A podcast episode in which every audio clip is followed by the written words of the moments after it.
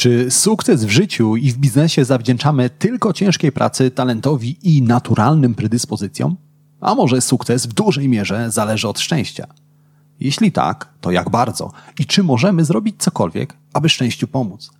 W tym odcinku podcastu Marketing z Głową odpowiemy na te i inne pytania. Zaczynajmy. To jest podcast Marketing z Głową. Źródło wiedzy dla przedsiębiorców, handlowców i marketerów, czyli dla osób, które chcą sprzedawać lepiej i chcą sprzedawać więcej. Zaprasza Łukasz Chodorowicz. Zanim zaczniemy, pamiętaj, że więcej informacji o tym, jak zrozumieć klienta, jak robić lepszy marketing i jak więcej sprzedawać, znajdziesz w moich newsletterach. Tak, są dwa. Jeden darmowy, drugi płatny. Linki do obu znajdziesz w opisie tego odcinka podcastu. Zerknij, poczytaj i dołącz do tysięcy przedsiębiorców, marketerów i handlowców, którzy co tydzień dostają zastrzyk wiedzy, dzięki której ich firmy rosną jak na drożdżach. Witam Cię w 27 odcinku podcastu Marketing z Głową. W tym podcaście zaglądamy do głów Twoich klientów i szukamy odpowiedzi na pytanie, jak klienci kupują. Szczególnie interesują nas decyzje związane z zakupami. Po co to robimy? Oczywiście po to, żeby pomóc Ci robić jeszcze lepszy marketing i żebyś mogła lepiej sprzedawać swoje produkty i usługi. Ten podcast nagrywam dla wszystkich przedsiębiorców, handlowców i dla marketerów, czyli dla osób takich jak Ty, które chcą sprzedawać lepiej i chcą sprzedawać więcej. Jest rok 1968, a my trafiliśmy do Stanów Zjednoczonych. Jesteśmy na przedmieściach Seattle. Stoimy przed głównym wejściem do prywatnej szkoły Lakeside. W szkole trwa coroczny kiermasz zorganizowany przez Radę Rodziców. Wieczorem okazuje się, że kiermasz przyniósł wyjątkowy duży dochód. Na tyle duży, aby nauczyciel matematyki Bill Bogue przekonał Radę Rodziców do zakupu terminala ASR-33 Teletype. ASR-33 Teletype był w latach 60. tym, co dziś nazwalibyśmy komputerem. To była wielka chwila dla szkoły. W roku 1968 dostęp do komputera miało zaledwie kilka uczelni wyższych w Stanach Zjednoczonych. O szkołach średnich takich jak Lakeside już nie wspomnę. Przy czym studenci, którzy chcieli skorzystać z komputera, musieli wykazać się nie lada cierpliwością i odczekać w kolejce 3-4 tygodnie. Wyobraź sobie, 4 tygodnie, aby wykonać obliczenia, które dziś każdy z nas może wykonać na smartfonie. A więc mamy lata 60. W USA komputery mają NASA, Pentagon, kilka uczelni wyższych i szkoła średnia Lakeside. Do szkoły w Lakeside chodzą dzieci z bogatszych rodzin. Ich rodzice są lekarzami, biznesmenami, prawnikami. Jednym z takich dzieci jest 14-letni chłopak o dużych szaro-niebieskich oczach, blond włosach i zadziornym wyrazie twarzy. Chłopak kiepsko radzi sobie z angielskiego i z WF-u, ale jak mówią o nim nauczyciele, zdaje się intuicyjnie rozumieć matematykę. Być może z tego powodu chłopak interesuje się nowym szkolnym nabytkiem. Spędza w pracowni komputerowej każdą wolną chwilę między lekcjami, po lekcjach, a czasami nawet zamiast lekcji. No dobra, wygląda na to, że wciągnął się na dobre. Technicznie rzecz ujmując, chłopak zamieszkał w sali komputerowej. Po kilku miesiącach chłopak jest już szkolnym weteranem programowania. Ostatecznie jednak koszty utrzymania komputera były zbyt wysokie i szkoła musiała się go pozbyć. Szczęśliwy zbieg okoliczności sprawia jednak, że jakiś czas później w sąsiedztwie szkoły powstaje Uniwersytecki Klub Komputerowy. Jednym z założycieli klubu była matka chłopaka, który przyjaźnił się z naszym bohaterem. Tym samym chłopak znowu miał dostęp do komputera i znowu spędzał przed nim kilka godzin każdego dnia. Przez kilkanaście miesięcy, bez przerwy. Ostatecznie klub komputerowy bankrutuje, jednak to już nie ma znaczenia. Chłopak, mimo młodego wieku, jest już jedną z niewielu osób w Stanach Zjednoczonych z tak dużym doświadczeniem w programowaniu. Komputery stają się coraz popularniejsze. Pojawiają się w firmach, fabrykach, elektrowniach. W latach 70. elektrownia w Seattle poszukuje programisty specjalizującego się w bardzo konkretnym języku programowania. Chociaż na rynku brakuje jakichkolwiek programistów, kierownik elektrowni wiedział, gdzie może znaleźć odpowiedniego człowieka. W szkole Lakeside. Nasz bohater jest w ostatniej klasie. Jednak udaje mu się uprosić nauczycieli, aby pozwolili mu przyjąć pracę w elektrowni jako młodszy programista. Czy wspominałem ci, kim są rodzice chłopca? Jego mama prowadzi własną dochodową firmę. Ojciec jest prawnikiem. Na nazwisko mają Gates. Chłopak nazywa się Bill. Bill Gates. Tak, ten Bill Gates, który za kilka lat założy Microsoft. Zatrzymajmy się na chwilę i prześledźmy ten krótki wycinek z życia Billa Gatesa, a dokładnie przyjrzyjmy się wszystkim szczęśliwym zbiegom okoliczności. Po pierwsze, Bill miał szczęście chodzić do jednej z nielicznych szkół średnich, która mogła pozwolić sobie na komputer. Po drugie, w szkole uczył Bill Duck, nauczyciel matematyki, który wierzył, że uczniowie potrzebują mniej teorii, a więcej praktyki. Po trzecie, Bill miał szczęście, że w okolicy powstaje klub komputerowy. Po czwarte, dostaje się do klubu tylko dlatego, że chodzi do szkoły z synem jednego z założycieli. Po piąte, dostaje pracę jako programista tylko dlatego, że nauczyciele się zgodzili. Ten fragment z życia Gatesa to zaledwie początek jego drogi do sukcesu. A jednak już tak wiele mogło pójść nie tak i jednocześnie tak wiele zależało od szczęścia. Bill mógł nigdy nie trafić do Lakeside, albo mogło się okazać, że nie trafił tam Bill Duck, nauczyciel, który sprowadził komputer do szkoły. A co gdyby młody Gates nie znał się z chłopcem, który de facto otworzył mu drzwi do klubu komputerowego? Albo gdyby nauczyciele nie zwolnili Billa z zajęć w ostatniej klasie?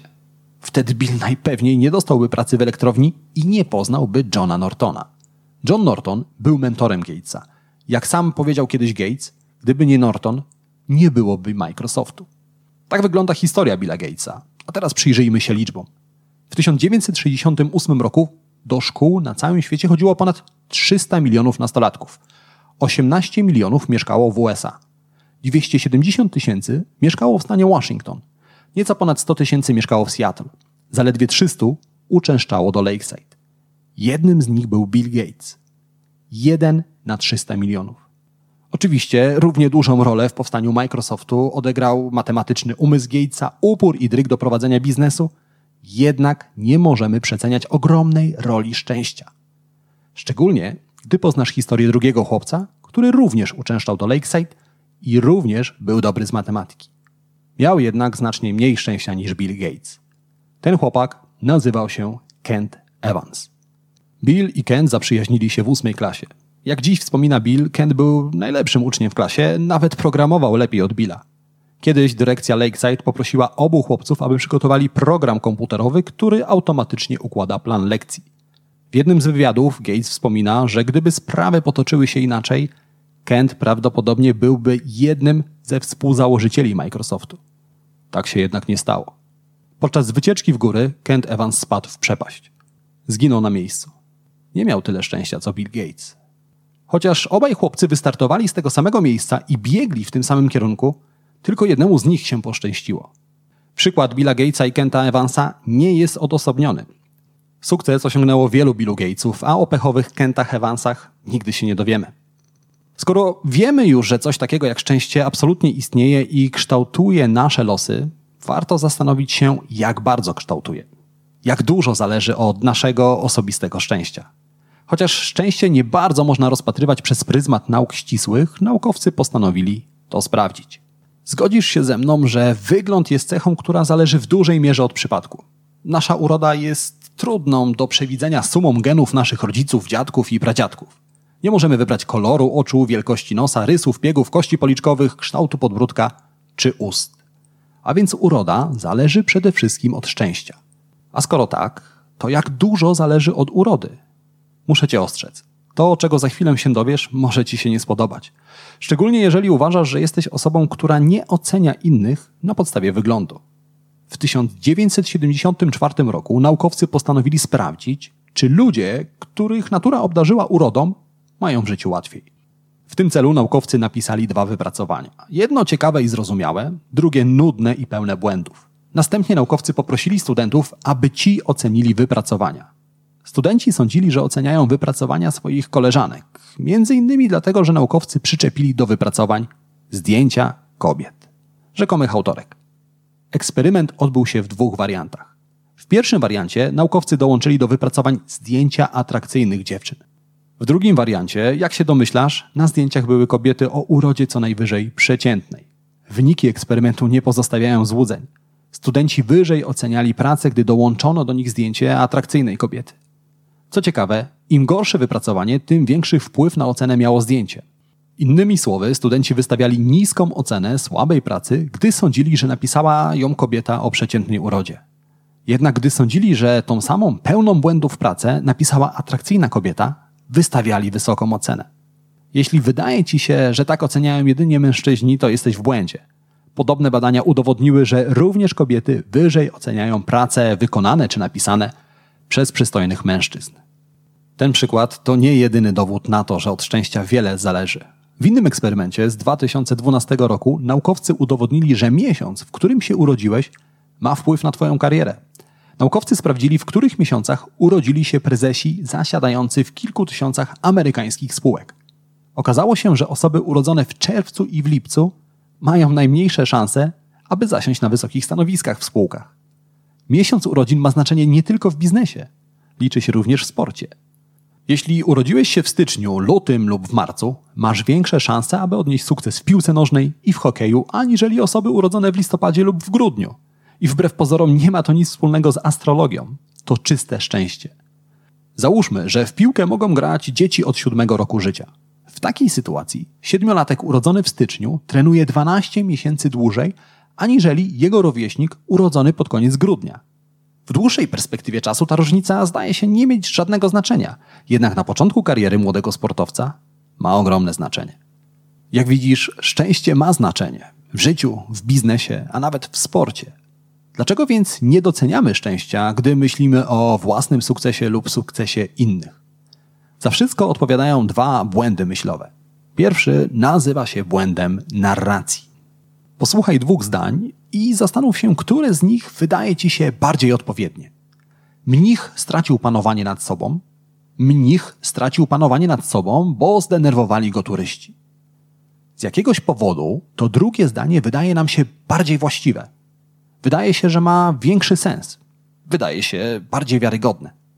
Najbardziej prymitywne organizmy, takie jak ameba czy pantofelek, mają kilka podstawowych funkcji w życiu: rozmnażanie, odżywianie, wydalanie, oddychanie. Ich prosty układ nerwowy pozwala im pojmować świat na bardzo podstawowym poziomie. Jednokomórkowe organizmy zazwyczaj odróżniają tylko to, co złe, czyli to, co im zagraża, i to, co dobre, czyli na przykład pożywienie. Ich umysł, jeśli tak można określić to, co nimi kieruje, upraszcza otaczającą je rzeczywistość do granic możliwości. A to dlatego, że taka ameba ma niewiele narzędzi poznawczych, które pomagają jej zrozumieć rzeczywistość. Nasz układ nerwowy z drugiej strony jest nieco bardziej skomplikowany. Masz w mózgu około 85 miliardów neuronów. Połącz te neurony ze sobą i otrzymasz całkiem wydajny komputer, który potrafi przetworzyć sporo informacji w jednym czasie. Żeby poradzić sobie z takim natłokiem informacji, nadajemy rzeczywistości coś, czego nie potrafi nadać ameba, pantofelek czy nawet kot. Znaczenie. Ogarniamy tętniący życiem, wydarzeniami, danymi świat tylko dlatego, że potrafimy nadać mu sens. Wróć do tych dwóch zdań, które wcześniej usłyszałeś. W pierwszym zdaniu mnich po prostu stracił panowanie nad sobą. W drugim zdaniu znalazłeś nie tylko skutek, ale również przyczynę. Mnich stracił panowanie nad sobą, ponieważ zdenerwowali go turyści. A więc w drugim zdaniu znajdujesz sens, czyli znaczenie. Dlatego drugie zdanie wydaje się właściwe. Dlatego drugie zdanie wydaje ci się bardziej wiarygodne. Co ciekawe, im więcej informacji zawiera historia, którą sobie opowiadasz, tym bardziej w nią wierzysz. Ania dorastała w Warszawie. Podczas gdy inne dziewczynki bawiły się lalkami, ona wolała czytać książki o filozofii. Zawsze była dziewczynką, która musiała postawić na swoim. Rodzicom nigdy nie udało się nauczyć jej pokory. Ania szkołę średnią skończyła rok wcześniej niż rówieśnicy. Dostała stypendium w Anglii i rozpoczęła studia na Oksfordzie. Tam otrzymała dyplom z filozofii. Zanim Ania podjęła pracę, spędziła trochę czasu w Afryce. Udzielała się w korpusie pokoju. Walczyła w imieniu kobiet o dostęp do opieki zdrowotnej. Ania jest singielką i aktualnie pisze doktorat z filozofii. Właśnie poznałaś Anię. A teraz zastanów się, co jest bardziej prawdopodobne. To, że Ania pracuje w banku, czy to, że Ania pracuje w banku i jest feministką. Jeśli jesteś podobna do większości ludzi, wydaje ci się niemal pewne, że Ania pracuje w banku i jest feministką. To jednak błąd. Ze statystycznego punktu widzenia bardziej prawdopodobne jest to, że Ania po prostu pracuje w banku. Tak samo jak bardziej prawdopodobne jest to, że w Polsce jest więcej osób, które nazywają się tak jak ty, aniżeli to, że w Polsce jest więcej osób, które nazywają się tak jak ty i jednocześnie są lekarzami. To czysta statystyka. Jednak nasz hiperaktywny umysł nie myśli w kategoriach liczb, statystyk, prawdopodobieństw. myśli w kategoriach przyczyn, historii i narracji. Statystyka jest abstrakcyjna. Historia wydaje się rzeczywista. Wiesz, co jeszcze wydaje się abstrakcyjne? Szczęście. Umysł nie potrafi zrozumieć szczęścia. Nie potrafi nadać mu sensu. Dlatego wolimy myśleć, że za fortuną Billa Gatesa stoi talent, lata nauki, ciężka praca. To zdaje się mieć większy sens, aniżeli to, że za sukcesem Billa Gatesa stoi szczęście. Bagatelizujemy szczęście z jeszcze jednego bardzo ważnego powodu. Szczęścia nie możemy przywołać na zawołanie, nie możemy go pożyczyć, nie możemy go kupić. Innymi słowy, szczęścia nie kontrolujemy. A skoro przy kontroli jesteśmy, to pozwól, że opowiem Ci inną, niezwykle ciekawą historię.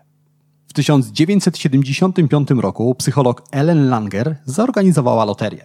Tylko, że to tak naprawdę nie była loteria, to był eksperyment. Jednak w eksperymencie były prawdziwe losy, a uczestnicy mogli wygrać rzeczywiste nagrody. Langer chciała sprawdzić, kiedy uczestnicy loterii bardziej wierzą w prawdopodobieństwo wygranej. Okazało się, że im bardziej ludzie angażowali się w loterię, tym większa wydawała im się kontrola, którą mają nad swoim losem. Na przykład osoby, które same wybierały swoje losy, bardziej wierzyły w zwycięstwo, aniżeli osoby, którym los wybrał ktoś inny. Podobnie jak osoby, które musiały zapłacić za los. Najlepsze jednak było to, że im dłużej ktoś zastanawiał się, jaki los wybrać, tym bardziej wierzył, że wygra. Brzmi to niedorzecznie, prawda? Gdyby tak było, to na świecie byłoby mnóstwo cierpliwych milionerów. Ellen Langer udowodniła, że w naszych głowach istnieje silny związek pomiędzy zaangażowaniem a poczuciem kontroli. Innymi słowy, im więcej pracy i zaangażowania włożymy w jakikolwiek projekt, tym bardziej wierzymy, że mamy kontrolę nad jego rezultatami. Myślimy, im więcej trenuję, tym więcej bramek strzelę w meczu. Im więcej pracuję, tym większy sukces osiągnę. Im więcej się uczę, tym lepsze dostaję oceny. Iluzja kontroli każe nam wierzyć, że mamy wpływ na wszystko, co dzieje się dookoła nas, że wszystko jest w naszych rękach. Iluzja kontroli, połączona z błędem narracji, sprawia, że przestajemy zwracać uwagę na szczęście. Szczęście staje się trochę jak święty Mikołaj. Każdy o nim słyszał, jednak wierzą w nie tylko dzieci. Jednak ono tam jest. Kształtuje nasze życie. Wpływa na nasze sukcesy i porażki. Czy tego chcemy, czy nie. Czy w nie wierzymy, czy nie. Czasami mniej, czasami bardziej. Ale szczęście tam jest i nie mamy nad nim kontroli. Ale to nie oznacza, że szczęściu nie można pomóc. Uważam, że każdego z nas spotyka w życiu pewna określona ilość szczęścia. Jak duża? Na to nie mamy wpływu. Jednak możemy od czasu do czasu wzmocnić własne szczęście. W książce De Formula Albert Laszlo Barasli zdradza coś, co pewnie wielu z nas podświadomie czuje. Mianowicie, że jednym ze zwiastunów sukcesu jest rozwinięta sieć kontaktów. Innymi słowy, ludzie, którzy mieli wielu znajomych, częściej osiągali sukces, aniżeli osoby o wąskim kręgu znajomych. Dlaczego tak się dzieje? Wierzę, że sukces naszych znajomych w wielu przypadkach przechodzi również na nas. Prosty przykład. Prowadzisz małe biuro rachunkowe. Obsługujesz kilku klientów, którzy jednocześnie są Twoimi znajomymi. Spośród tych klientów dwóch odnosi duży sukces. Ich firmy rosną, podpisują nowe umowy, zdobywają wielu klientów. Wystawiają więcej faktur. Do kogo trafiają faktury? Do ciebie. Masz więc więcej pracy i w naturalny sposób twoje biuro rachunkowe również zaczyna rosnąć. Odrobina szczęścia każdego z twoich znajomych spada również na ciebie. Dlatego rozległa sieć kontaktów często idzie w parze z sukcesem. Na dziś to wszystko. Trzy najważniejsze rzeczy, które chciałbym, abyś zapamiętała z tego odcinka. Po pierwsze, pamiętaj, że oceniając sukces swój lub innych, nie możesz zapomnieć o szczęściu. To szczęście tam jest i ono przyczynia się do sukcesu. Takie podejście uczy nas pokory, której potrzebujemy.